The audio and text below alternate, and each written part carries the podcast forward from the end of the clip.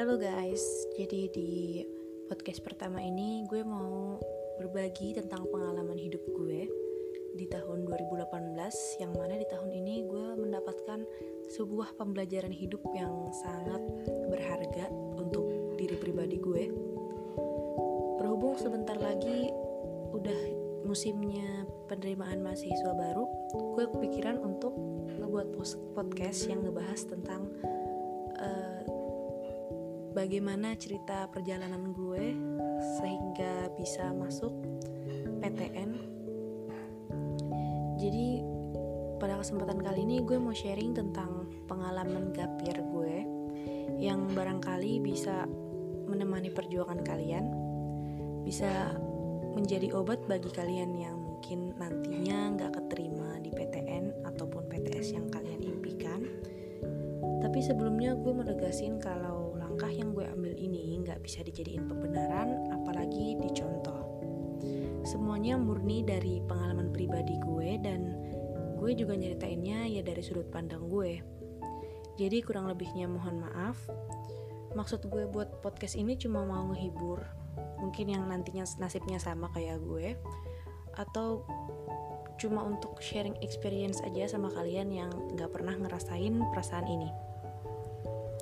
Jadi cerita ini berawal dari gue yang bahagia banget gara-gara keterima SNMPTN tahap 1. Jadi untuk yang nggak tahu, tahap 1 itu adalah seleksi sekolah ya. Um, di mana sekolah ini mendapatkan kuota per jurusannya sesuai dengan akreditasi sekolahnya. Nah, kebetulan sekolah gue ini dapat kuota 40% per jurusan.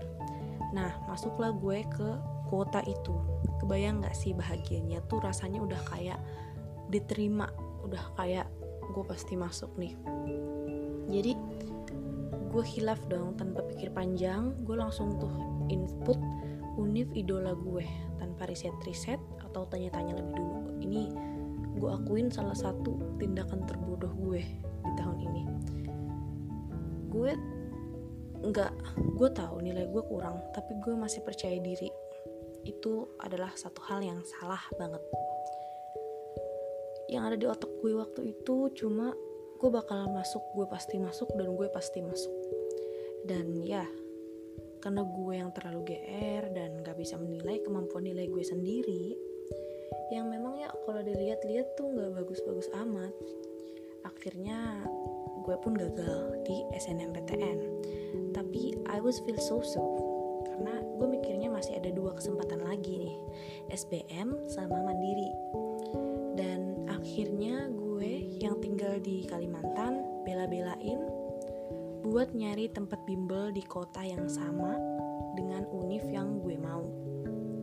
Ya, gue pikir-pikir sih buat ngehafal jalan kali atau mungkin lihat situasi sekitar dulu sebelum akhirnya bener-bener keterima di kota ini, di univ yang gue pengen ini.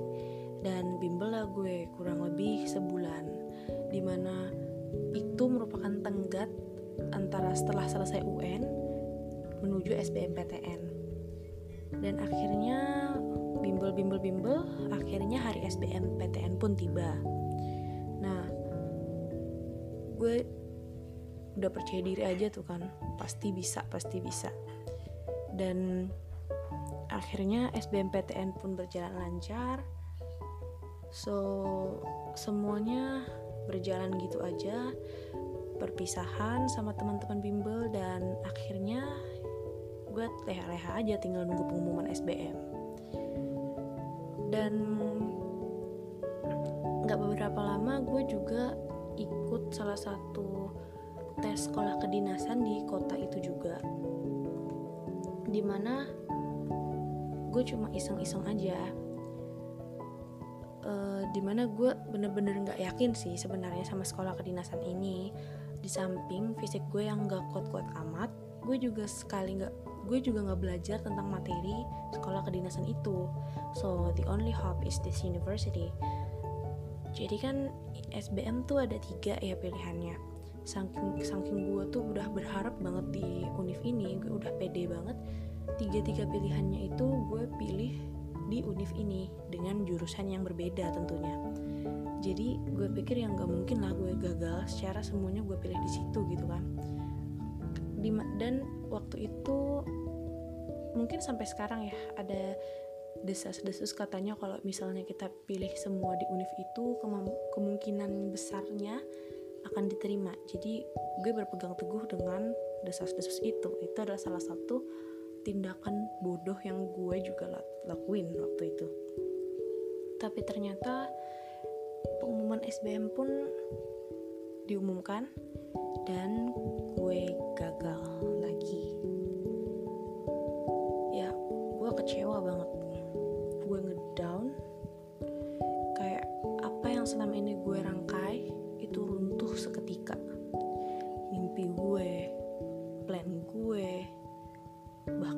fantasi gue tentang kampus impian itu. Belum lagi waktu gue dapat pengumuman kalau gue juga nggak keterima di sekolah kedinasan. Dan yang lebih ngebuat dunia gue runtuh adalah saat gue nyoba mandiri dan tes D3 di universitas yang sama tetap nggak keterima. Sumpah itu rasanya malu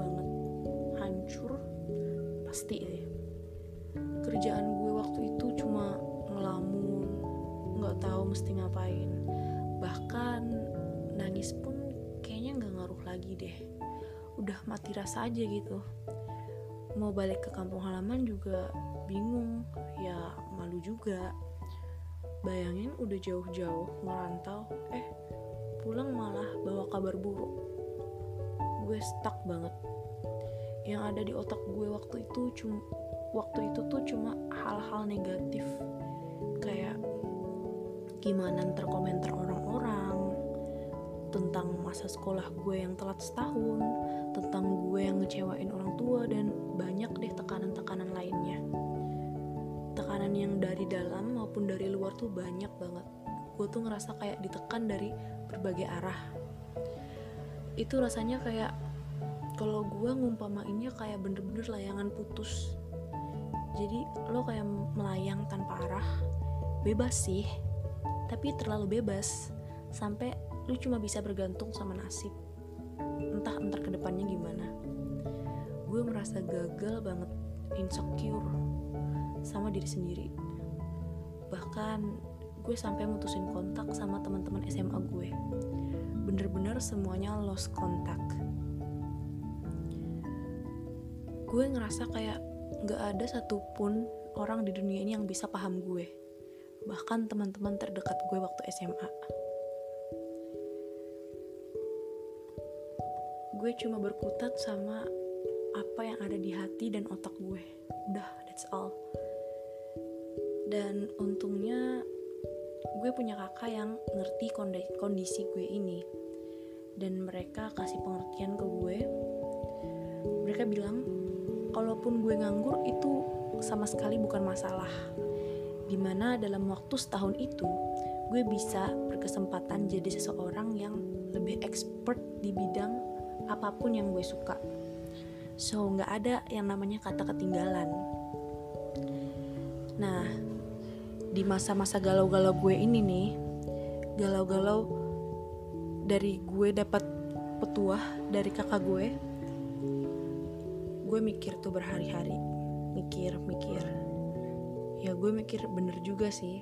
Sampai akhirnya tiba-tiba temen SMA gue ada yang nelpon gue. Gue kaget dong.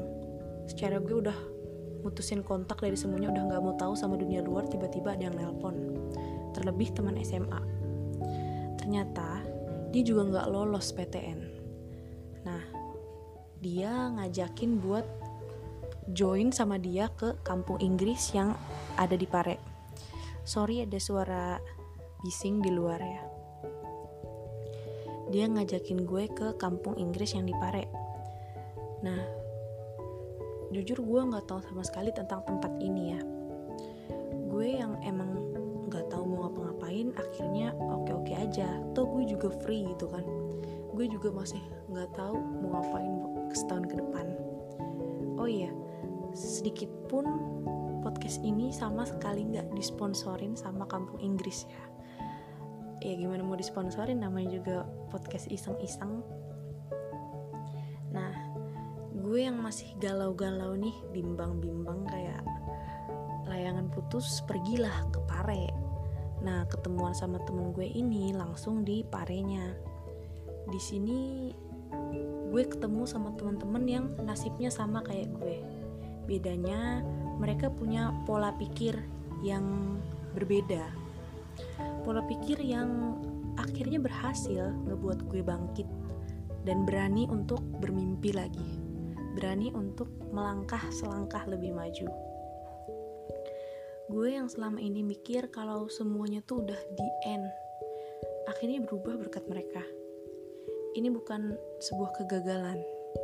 Ini step pendewasaan untuk gue buat kalian teman-temanku yang aku kenal di Pare terima kasih terus uh, gue belajar kalau perjalanan kita ini masih panjang dan gak ada kata telat kita adalah satu-satunya nahkoda di kapal kehidupan ini.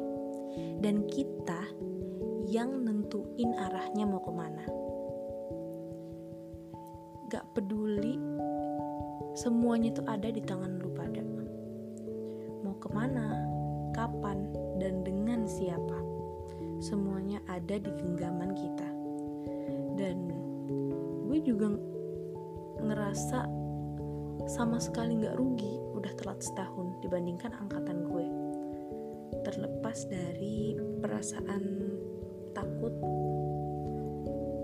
kalau kalau orang tua yang ya pasti sih kecewa sama gue but I feel step ini impactnya gede banget ke kepribadian dan pengalaman hidup di diri gue mungkin salah satu dari kalian menganggap gue lebay atau malah ngerasain apa yang gue rasain tapi percaya deh, di dunia ini gak ada orang yang mau gepir. Apalagi harus ngerelain univ impiannya demi realitas. Gapir itu gak mudah guys. Kalian pikir gampang, mau ketemu orang udah insecure duluan. Takut ditanyain kuliah di mana. Di saat teman-teman kalian mulai sibuk satu persatu, kalian masih aja nganggur nggak tahu mau ngapain apalagi kalau udah dibanding-bandingin sama keluarga ya meskipun mereka nggak maksud gue tahu mereka sama sekali nggak maksud kalian pasti bakal seribu kali lebih peka tentang hal-hal berbau kuliah dan juga masa depan so buat kalian pejuang kampus impian Semangat ya. Lolos atau nggak lolosnya kalian itu sama sekali nggak membuat kalian menjadi pemenang atau pecundang. Apa pun hasilnya nanti merupakan step di hidup kalian yang masing-masingnya punya pembelajaran hidup yang berbeda. Buat yang gagal, kamu nggak sendiri kok. Yang kamu perluin adalah tarik napas yang dalam, hindarin lingkungan yang memberikan kamu pikiran negatif, kalau bisa mending merantau ke tempat yang memaksa kamu untuk berkembang deh. Tenang sukses datang dari berbagai pintu kok. Percaya deh kamu pasti bisa. Semangat SBMPTN